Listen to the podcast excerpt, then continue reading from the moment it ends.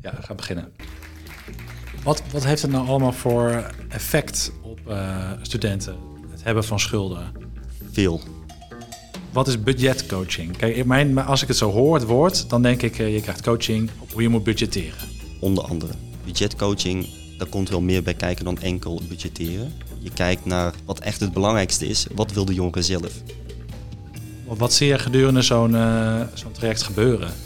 Wat je in realiteit ziet gebeuren is dat het, het is geen lijn die in balans is waarbij je zegt van oké kom nu binnen en dit is de eindstreep en het verloopt allemaal uh, vlekkeloos. Absoluut niet. Dat is de realiteit niet. Uh, we zijn heel laagdrempelig. We denken mee, het komt op de juiste plek terecht en het zijn gewoon ja, mensen, mensen die uh, willen ondersteunen, die willen begeleiden.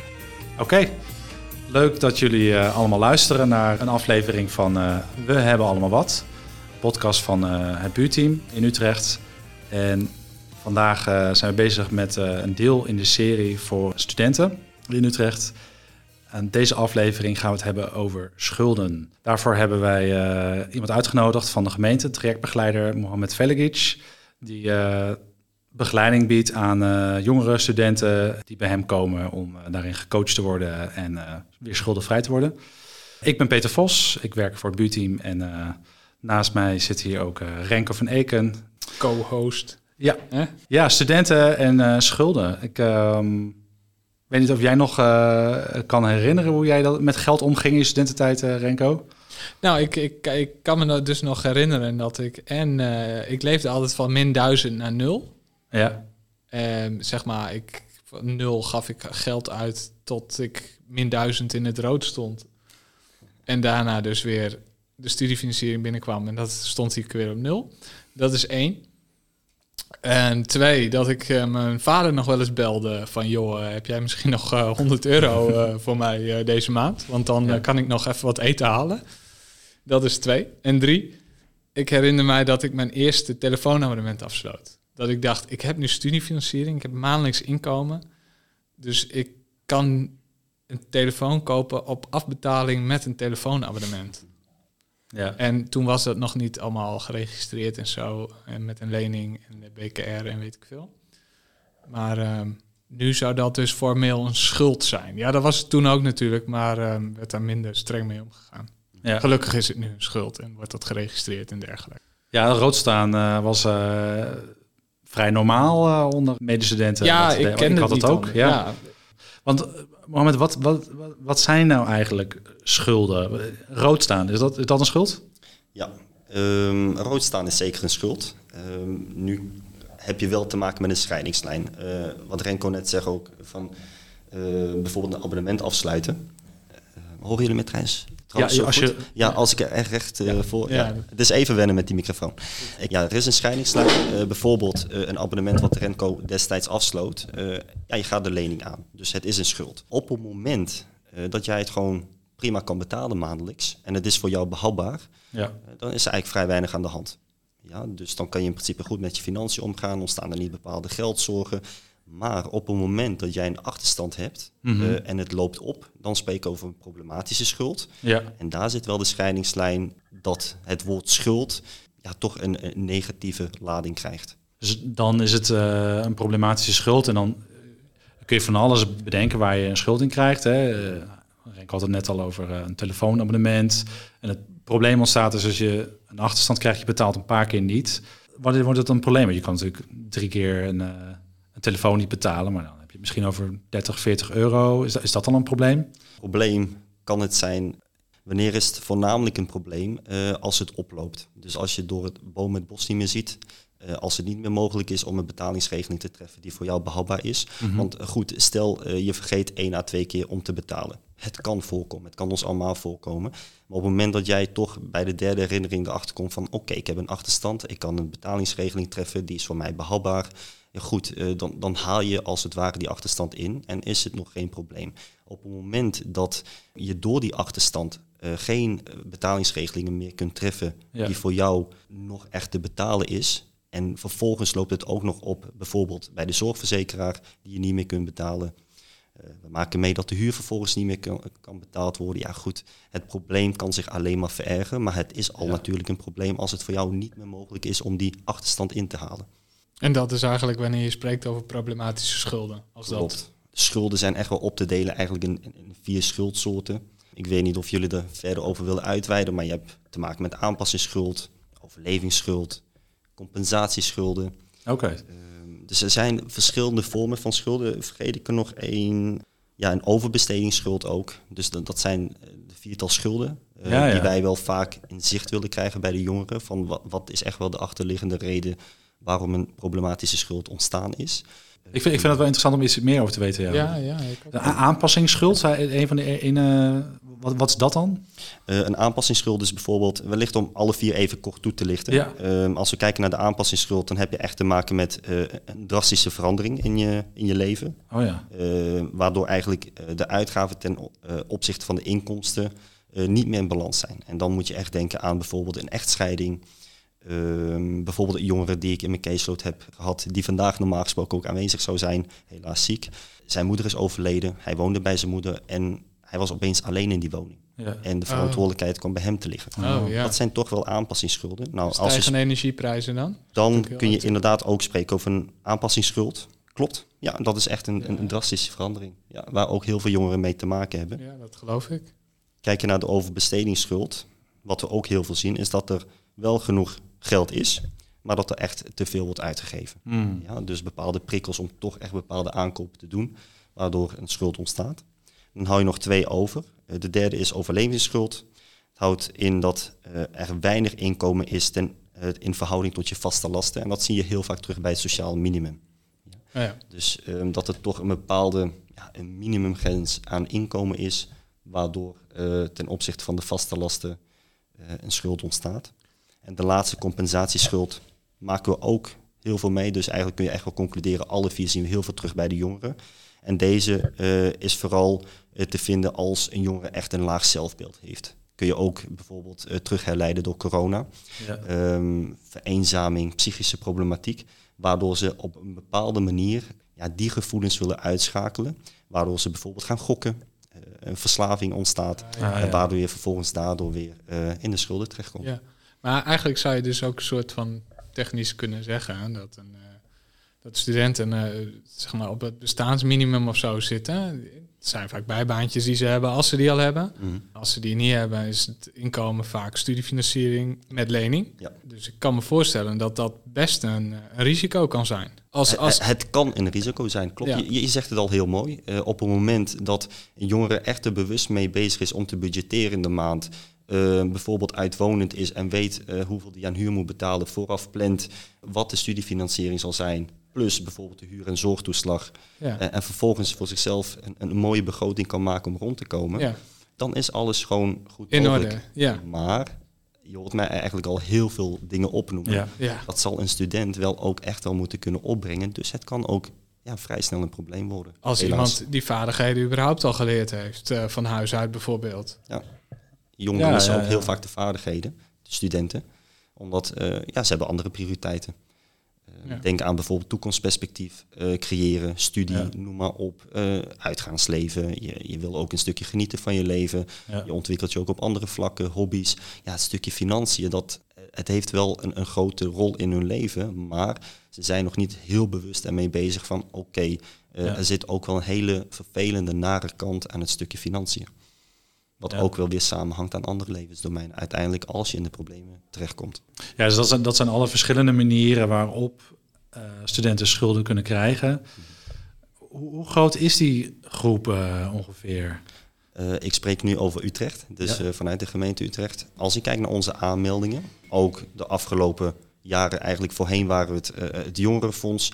Toen waren we enkel nog voor de ja, studenten, echt gericht op de studenten. Omdat we hadden als het ware een project, pilot ontwikkeld om eh, jongeren met enkel studiefinanciering te ondersteunen. Nu hebben we die groep echt verbreed naar alle jongeren in Utrecht van 18 tot en met 26 jaar. Eh, en je spreekt wel over honderdtallen. Dus het zijn geen tientallen meer. Mhm. Het zijn echt honderdtallen. En we zijn nu eigenlijk ook wel echt de afgelopen periode heel druk bezig om het bij jongeren echt wel op allerlei manieren ook, eh, ook bijvoorbeeld via scholen en noem maar op, op de voorgrond te krijgen, onder de Ja. aandacht te brengen. Ja, dus het, het kan alleen maar oplopen.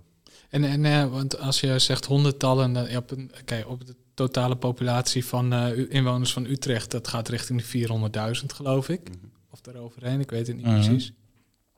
Dan zou ik zeggen, dat is niet zoveel. Want weet je een beetje wat de populatie, zeg maar, jongeren En dan heb je het alleen over de mensen die komen, hè? dus die zich aanmelden. Ja, nou ja, daar begint het al Een, inderdaad. een mooie vraag die ehm, wij ook echt aan het onderzoeken zijn op dit moment.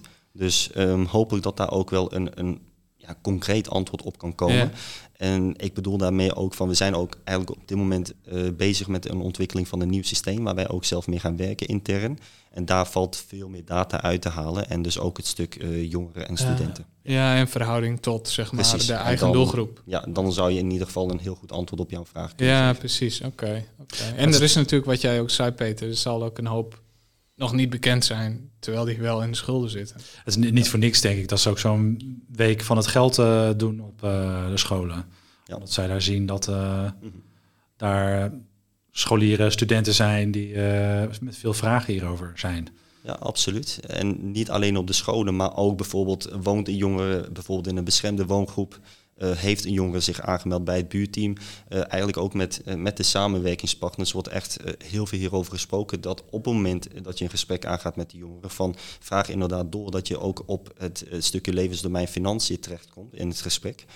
Waardoor je uiteindelijk, uiteindelijk kun je ook daarvan de informatie ophalen van speelt iets. Ja. Kan jij een- beeld schetsen van een student die bij jou is gekomen en een voorbeeld geven van waar iemand dan mee komt bij jou? Het is heel divers. Dus eh, niet enkel een student, eh, dat het studenten zijn, eh, dat het heel veel op elkaar lijkt, absoluut niet. Het heeft echt te maken met in welk stadium meld je je. En daarmee bedoel ik van, zit je in een beginfase van een, een schuld die aan het oplopen is, of zit je al in een fase waarbij de schuld al behoorlijk is opgelopen. Ehm, je hebt dan ook te maken met verschillende schuldeisers. Eh, je hebt ook te maken met eh, in de zin van welk product ga je daarin aanbieden.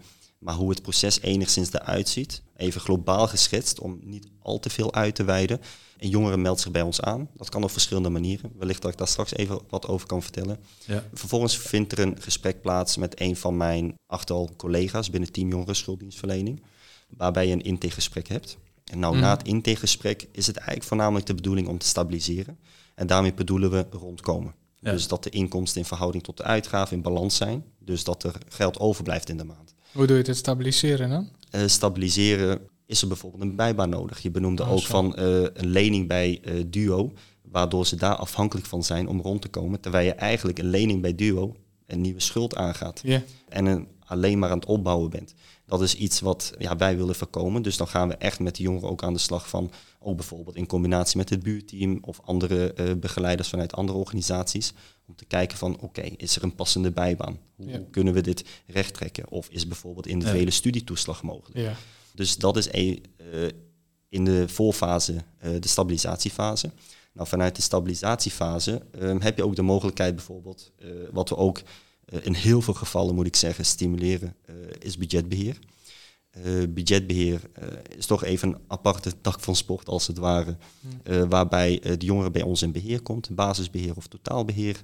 En nogmaals stimuleren waarom. Eh, het zorgt echt wel dat de jongeren eh, meer grip krijgen op eh, hun toekomst. Ja, kun jij uitleggen wat budgetbeheer is voor eh, mensen Ja. die dat niet kennen? eh, budgetbeheer houdt in, eh, als ik even spreek over totaalbeheer, is dat het inkomen bij ons binnenkomt. Een collega, budgetbeheerder, Ja. eh, beheert eh, het budget, dus het inkomen. Dus denk aan het loon, studiefinanciering, zijn er toeslagen die binnenkomen, eventueel ook aangifte inkomstenbelasting die Ja. weer binnenkomt. Ja. Dus eigenlijk alle vormen van inkomen, die beheren wij, maar we zorgen ook ervoor dat alle vaste lasten worden betaald. Dus dat we er echt wel Ja. zeker van zijn dat de betalingen goed lopen, wat je ook uiteindelijk als goed argument kunt gebruiken naar de schuldeisers toe. Oh ja. Ja, dus dat kan een keuze zijn in zo'n traject als iemand zich aangemeld heeft om... eh, Voorheen was Dat- een voorwaarde, destijds met het jongerenfonds. ja. Nu is het een keuze.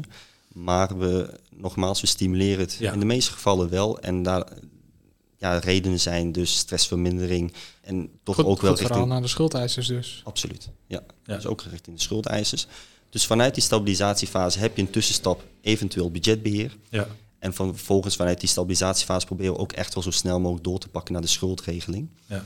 En schuldregeling is het minderlijk traject, waar onze voorkeur in eerste instantie altijd naar uitgaat. En minderlijk houdt in dus dat het tussen de schuldeisers en tussen ons onderling geregeld wordt. Ja, ja het, toch, nog, toch nog even terug hoor, moment. Want ik, ik dacht van, hoe, hoe, hoe komt iemand nou precies uh, bij jullie aan? Ik, wil, ik vind het fijn om daar een soort van beeld van te hebben. Komt Ja. iemand aan met, met uh, twee schulden, vijf schulden? Je loopt natuurlijk uit één, maar uh, kun je er toch een beetje een beeld van schetsen?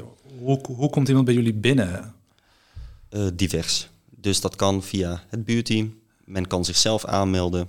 Ja. Uh, men hoort het via via bijvoorbeeld en men klopt aan. Uh, in heel veel gevallen zijn de schulden al opgelopen. En ook als antwoord op jouw vraag van... goed, zijn dat dan twee schuldeisers? In de meeste gevallen zijn het echt wel meerdere schuldeisers. Ja, okay. Want we zien eigenlijk in een, in een beginfase dat het al ontstaat bij de zorgverzekering bijvoorbeeld. Duo, die, die hangen al meteen weer vast aan be, bijvoorbeeld ja, je mobiel abonnement die je niet kunt betalen.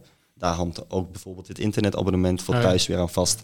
Alles hangt aan elkaar samen. Ja. Uh, en dan loopt het op. En dan bijvoorbeeld waar we echt wel naar kijken om crisis uh, te voorkomen. En crisis spreken we van een huurachterstand, energieachterstand. Uh, dat probeer je toch echt wel te voorkomen. En als het al zover is, ja goed, dan, dan moeten we gaan doorverwijzen naar ons ja, crisisteam. Ja. Ja. ja, en je zegt huur, huur of energieachterstand, omdat dat de meest cruciale dingen zijn. Om niet uh, op straat te belanden. Precies, je hebt uh, warmte in je huis nodig en je hebt überhaupt een huis nodig om dat te kunnen verwarmen, zeg precies. maar. Dat, okay. Ja, dus, dus iemand heeft meerdere uh, schuldeisers. Meestal in ieder geval gezamenlijk is het een problematische schuld. En jullie starten dan met uh, stabilisatie, dus het inkomen moet weer een beetje op orde komen. En dan is er in dat traject moet je gaan kijken hoe iemand weer een soort van schuldregeling kan maken, zodat die uitzicht is op afbetaling en dat stimuleren jullie mensen om een budgetbeheer te gaan. Onder andere. Ja. En ook even aanvullend op wat jij inderdaad mooi samenvatte nu. Um, is het ook niet enkel bij een problematische schuld. Stel dat iemand geldzorgen heeft, dat is al voor ons een signaal van meld je aan. Ja. Dus niet enkel okay. uh, als vanuit het buurteam of de student zelf bijvoorbeeld uh, achterhaalt van oké, okay, ik heb nu een problematische schuld. Nee, het is ook als er geldzorgen zijn. Van als je denkt van hm, kan Ja. ik wel volgende maand bijvoorbeeld nog wel om een bepaalde reden mijn zorgverzekering betalen. Dat is al een signaal van om je aan te melden, om een Ja. intakegesprek uh, aan te Ja, gaan. je hoeft niet te wachten tot het problematisch is Exact. voordat je Ja, hulp Dat vraagt. probeer Ja. ik er inderdaad mee En te wat, zeggen. wat gebeurt er in dat geval dan? Dat kan alle kanten op. Ehm, heel vaak wat we zien is dat eh, bij geldzorgen en een maand achterstand, dat er wel meerdere schulden uiteindelijk zijn. Eh, dat vragen we ook op bij het CIB, via schuldwijzer, bij de Belastingdienst. Eh, eigenlijk heel veel eh, routes en kanalen, ook intern, waardoor we eigenlijk bepaalde schulden kunnen achterhalen. Dat zien we heel vaak. Maar het kan ook zijn dat bijvoorbeeld dat een adviesgesprek is. Dus, dus dat uiteindelijk we een eenmalig advies beschikken. Als Ja. het ware. Dus dan heeft een, een jongere, een student, daarmee voldoende informatie om uiteindelijk weer de draad op te kunnen pakken. Wat, wat heeft het nou allemaal voor effect op eh, studenten, het hebben van schulden? Veel.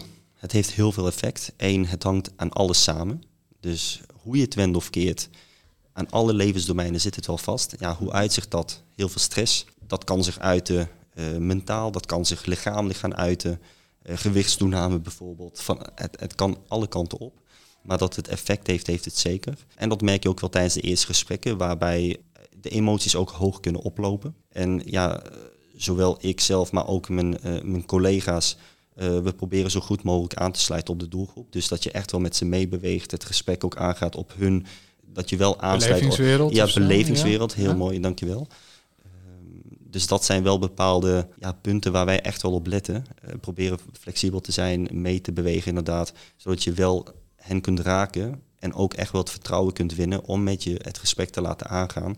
Zodat je wel uiteindelijk Ja. kunt achterhalen wat, wat doet het met ze. En dan heb je dus eh, een minderlijk traject en dan krijg je budgetcoaching.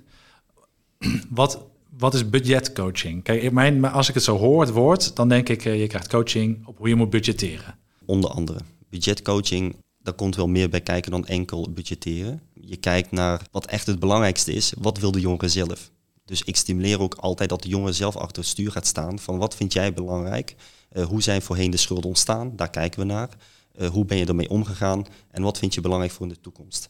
Dat is voor ons de richtlijn om daarop in te spelen, richting aan te geven en de jongeren zoveel mogelijk achter het stuur te laten staan en zelf te laten bepalen. En daar komt onder andere uit eh, begrotingen opmaken, inzicht krijgen in je financiën, overzicht krijgen. Waar haal je informatie op als het financieel even tegenzit of meer wil weten over je financiën.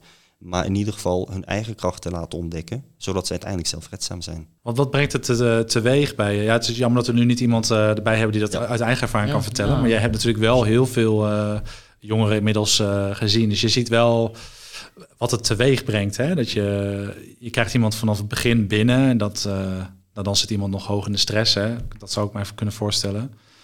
Wat, wat zie je gedurende zo'n eh, zo'n traject gebeuren? Wat je in realiteit ziet gebeuren is dat het ehm, heel erg bergopwaarts gaat, maar heel erg bergafwaarts. Dus het gaat steeds op en neer. Het is geen lijn die in balans is waarbij je zegt van oké, kom nu binnen en dit is de eindstreep en het verloopt allemaal eh, vlekkeloos. Absoluut niet. Dat is de realiteit niet. Omdat eh, je wordt geconfronteerd, je gaat zelf heel veel nadenken, je komt tot een realiteitsbesef en je krijgt ook te maken met ja, bepaalde opdrachten. In de zin van eh, hier moet ik aan gaan werken. Dus het, eh, het vraagt veel effort, het vraagt veel, eh, je moet er energie in steken. Maar dat is ook weer de kunst van ons trajectbegeleiders om daar goed het gesprek mee aan te gaan met de jongeren. Om eh, hen zelf ja, die motivatie te laten krijgen. Want Ja. het is niet enkel van wij gaan ervoor zorgen dat jij gemotiveerd bent. Nee, echt ervoor zorgen dat zij vanuit hun innerlijke zelf gemotiveerd raken. En daar ook redenen voor kunnen bedenken. Maar je ziet wel, en dat is ook weer de realiteit, echt hele mooie persoonlijke groeien ontstaan bij de jongeren. Jongeren die in het begin heel erg in de stress zaten, door het bomen het bos niet meer zien, maar uiteindelijk toch stapsgewijs vertrouwen krijgen. Ze zien dat er iets gaande is. Ja. Ze krijgen toch iets meer overzicht. Ze zien eh, bepaalde oplossingen op hun pad komen en dan vervolgens ook eh, ja, de kracht vanuit hunzelf, dat ze toch wel beseffen van oké, dit is wel waar ik naartoe wil werken, maar ik krijg daar ook een stuk ondersteuning in. Ja, en dan gaat het heel hard. Kan, kan, kan je nog een voorbeeld geven van een specifiek iemand die die is bijgebleven van je dacht, oh, dat is echt. eh, Ja, Zonder, bijvoorbeeld- zonder namen te noemen, hè? Ja, zonder namen te noemen, absoluut. Ja. Ehm, ja, de jongeren die vandaag aanwezig wilden zijn, helaas ziek. Maar voor mij in ieder geval een, een- absoluut een heel mooi verhaal. In de zin van, ja, wel heel na natuurlijk, maar zijn moeder die overleed eh, een kleine twee jaar geleden. Ehm, ook een van de eerste casussen trouwens, eh, sinds ik trajectbegeleider ben eh, bij de gemeente Utrecht. Zijn moeder overleed, verantwoordelijkheid werd in zijn schoenen geschoven. Hij heeft wel een vader, maar hij woont niet bij vader, maar woonde met zijn moeder. En dan is het heel snel handelen. Nog vrij jong, begin twintig. En alle verantwoordelijkheden komen bij jou te, leggen, te liggen. Jij krijgt opeens recht op de huurtoeslag. Ja. Moeder die voorheen in, onder bewind stond. Dus die op zichzelf ook niet de bepaalde vaardigheden had. Om echt wel die vaardigheden ook weer op zoon te kunnen overbrengen. Heel complex. Maar vervolgens eh, ja, daar het gesprek mee aangaan met de jongeren. Wat maak je op dat moment mee? En ook het stuk kunnen aanbieden wat hij nodig heeft om verder te kunnen gaan. Maar ook nog eens kunnen verwerken van... Ja, er eh, komt een enorme rouw bij. Ja, het was echt een rollercoaster. Echt een achtbaan was het. Ja. Maar als je ziet hoe die jongere het heeft opgepakt, ja, ik vond het heel mooi. Maar eh, hier heb ik eigenlijk een, een tiental eh, voorbeelden van. Ja. Eh, alleen specifiek even deze Ja, kaas. ja, ja. Mhm. Dan, dan zie je wel van wat uiteindelijk die effort doet, wat dat besef uiteindelijk doet. eh, en wat die vaardigheden ook uiteindelijk doen. Eh, want hij is nu schuldenvrij bijvoorbeeld, eh, heeft coaching gehad, eh, pakt het zelf op. Heb toch ook wel heel vaak nog het gesprek met hem van hoe sta je ervoor? Eh, kun je me daar iets over vertellen? En dan zie je hem echt wel bepaalde termen gebruiken, maar ook voorbeelden aanhalen waar je uit, ja, dat is wel uiteindelijk het liefst wat je wil horen Ja. van de jongeren. En dat kan hij nu op dit moment. En dan heb je wel ook als uh, trekbegeleider het vertrouwen erin van dat je hem ook los kunt laten. Hoe lang duurt ongeveer zo'n traject? Hè? Van een punt dat iemand eh, zegt, eh, ja, dit gaat niet meer, ik eh, heb hulp nodig, tot aan, nou, Diverse, maar gemiddeld gezien twee jaar. En in die twee jaar ehm, gebeurt er van alles. Ja. Dus dan zijn het, eh, is het de stabilisatiefase, is het de schuldregeling, zijn de budgetcoachingsgesprekken. Daartussenin gebeurt natuurlijk ook weer van alles. Dus twee jaar. Een lening terugbetalen aan de gemeente Utrecht spreken over drie jaar. Daarbij komt ook nog de coronascenario bij kijken, die we sinds kort hebben ingeroepen. Waarbij eigenlijk het laatste jaar, dus van die drie jaar, mits je aan de voorwaarden houdt, wordt kwijtgescholden. En, en die voorwaarden zijn onder andere dus geen nieuwe schulden en ook je afspraken nakomen. Nou ja, Dus gemiddeld gezien twee jaar. Dat is eh, pittig. eh, ik vind het best lang. oh, ik vond het best wel kort eigenlijk. Ja, ja nee, ja, maar je eh, moet je je voorstellen, als je 18 bent, dan eh, Ja. is je leven nog niet zo lang onderweg. En dan is twee jaar dus echt een grote hap. Het verschil tussen 16 en 18 is groot. Het verschil tussen 18 en 20 is groot. Ja, maar kun je je voorstellen als je niet om hulp uh, vraagt en je moet het allemaal proberen zelf op te lossen, Ja, allemaal zelf betalingsregelingen treffen, dan eh, Kijk, in die twee jaar moet je wel voorstellen van, je hebt het intakegesprek. Je Ja. hebt vervolggesprekken, eh, dus de- je zit enigszins in die stabilisatieperiode. Dan, dan ben je op zich wel een maand, een kleine twee maanden zeker wel ver. ja. Vervolgens moet je het dossier bij elkaar verzamelen voor de schuldeisers. Of in ieder geval voor je schuldregelaar collega, die uiteindelijk de schuldeisers gaat benaderen. Daar ben je ook wel een viertal maanden aan kwijt, waarin ook de 120 dagen zijn verwerkt, waarop schuldeisers mogen reageren op je voorstel. Oh, Ja. En de saldo-opgaves en noem maar Oh, op. ja. Eigenlijk als je dat al bij elkaar pakt, ben je een half jaar verder. Ja. Vervolgens beginnen de budgetcoachingsgesprekken. Ja, dat zijn ook echt wel een x-aantal gesprekken die op kunnen lopen tot tien gesprekken. Die je één keer in de maand bijvoorbeeld hebt. Ja, dan zit je al op anderhalf jaar. Ja. Daartussenin eh, verloopt eigenlijk ook van alles. Vandaar, door, vandaar dat ik even het gemiddelde pak van Ja. twee jaar. Ja.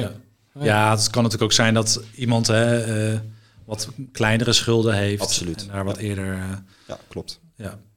Maar daarin zijn we wel heel flexibel ingesteld. Van inderdaad, wat Peter zegt, van als het korter duurt, dan, dan houden we het ook kort. En als het langer duurt, bewegen we mee. Ja. En dan kijken we wat de jongere nodig heeft, om dat in ieder geval zo goed mogelijk op te pakken. Nou ja, het schept wel een re- een realistisch beeld van het hele traject eigenlijk. Jij eh, wilde nog wat vertellen over hoe mensen nou precies zich konden aanmelden.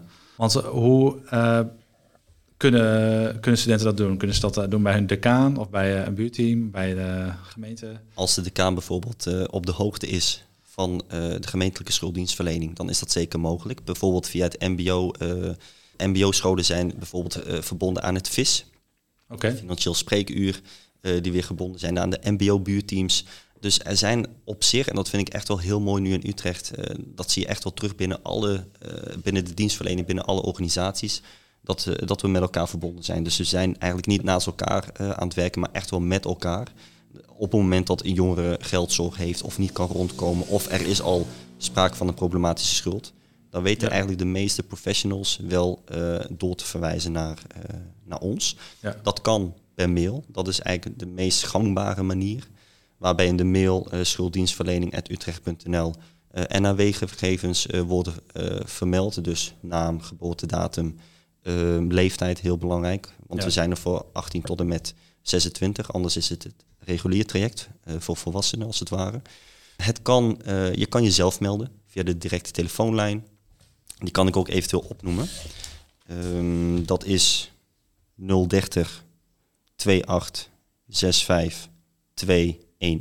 Ik zal al die contactgegevens ook nog wel even in de aantekeningen ja. bij de aflevering zetten. Prima. Kunnen mensen het nog even teruglezen. Ik kan dus ook gewoon mailen, help, ik zit, uh, ik zit in de schuld en ik kom er niet uit. Ja. Het lijkt me dat het eerste lijntje in ieder geval gelegd moet worden. Ja, ja ik, ik zou niet altijd weten, namelijk als ik zo'n instantie benader. Ja, in mijn hoofd is de gemeente altijd heel groot. Ja. En dan heb ik soms de indruk dat het ergens in het niet belandt. Maar als ik dus een mailtje stuur naar dat e-mailadres met help, ik kom er niet uit, dan krijg ik een reactie. Dan krijg dan... je in principe binnen twee, maximaal drie werkdagen krijg je een reactie. En ja, wordt er al vrij snel een intakegesprek ja, gepland. Precies. En dan gaan we het gesprek met je aan. Okay. Ja. Stilte. Ja, ja. ik zit even te denken. Ja, ik zie je nadenken. Volgens mij, uh... Of jullie zijn heel erg onder de indruk, of jullie zijn door de vraag heel onder de indruk. Heb je helemaal mur gepraat? Nee, nee, nee. nee ja, heb jij uh, heb je zelf nog iets wat je graag zou willen meegeven aan uh, studenten die nu misschien nog luisteren en uh, denken van goh, ja, leuk verhaal, ik, ik, twijfel nog of misschien om mee, eerst al mee te beginnen ehm, om wat misvattingen weg te halen als die er zijn. Hebben studenten die zich bij jullie aanmelden bepaalde ideeën over wat jullie doen die jij misschien nog kan nuanceren? Nou, misvatting nummer één is ja. dus dat als je de gemeente mailt, dat het niet zomaar verdwijnt, maar dat het gewoon echt rechtstreeks bij iemand exact. aankomt. En eigenlijk wilde daar, ik wilde daar meteen op aanhaken wat Renko zojuist vertelde van de gemeente. Dan denk je opeens aan een behoorlijke uh, organisatie die daarachter zit en waar belandt het überhaupt. Maar wat je eigenlijk in realiteit ziet, uh, en dat is eigenlijk al meteen een misvatting. Uh, we zijn heel laagdrempelig. We denken mee, het komt op de juiste plek terecht. En het zijn gewoon ja, mensen, mensen die uh, willen ondersteunen, die willen begeleiden. En die in ieder geval erop gericht zijn, bijvoorbeeld mijn collega's, ikzelf, om in ieder geval ervoor te zorgen dat die, de jongeren in dit geval schuldenvrij uiteindelijk zijn. Ja. dus die leefwereld lijkt heel groot bij de gemeente. maar een klein hartje bij wijze van spreken. Laat ik het zo even uitdrukken. dus dat is op zich een misvatting. Ja. Oké. En zijn er ook nog andere misvattingen?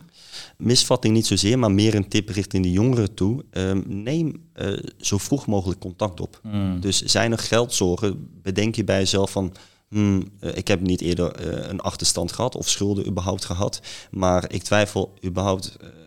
kan ik wel mijn telefoonrekening volgende maand eh, betalen... omdat ik om eh, onbepaalde reden krap zit. Ja. Dat, dat kan al een reden zijn... en voor ons voldoende om met ons contact op te nemen. Ja, Ja. precies. Of, of, eh, of ja, je, gewoon, eh, je kunt alleen al informatie krijgen. Of eh, stap naar je decaan. Of, eh, Voordat je het al ziet aankomen, dat je... Dat je er vroeg bij ja, bent. en dat mag ik even zelf aanvullen. Kan ook bij het buurteam. Kan natuurlijk ook eh, met het buurteam bellen. Of in ieder geval iemand, eh, daar begint het mee. Dat je ergens de iemand die je vertrouwt, waarvan Help. je denkt, hey, Het gaat eh, niet meer. Ja. Inderdaad.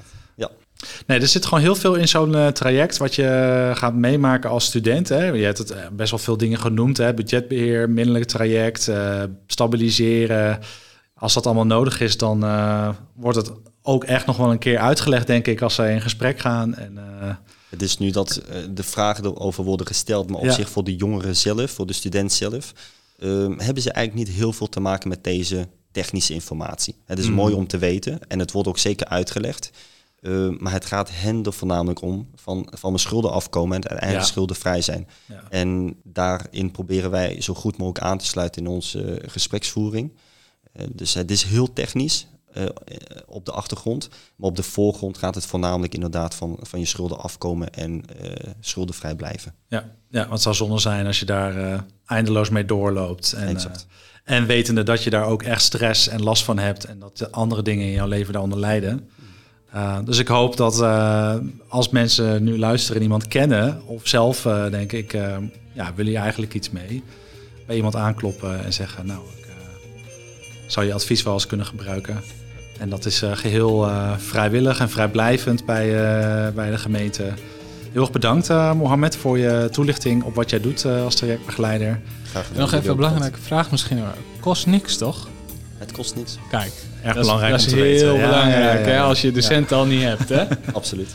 Uh, als mensen nog opmerkingen hebben over deze aflevering of vragen hebben, uh, mail even naar uh, podcast.sociaal.buurteamsutrecht.nl en ik zal alle andere e-mailadressen, contactgegevens die uh, belangrijk zijn voor deze aflevering ook even in aantekeningen zetten.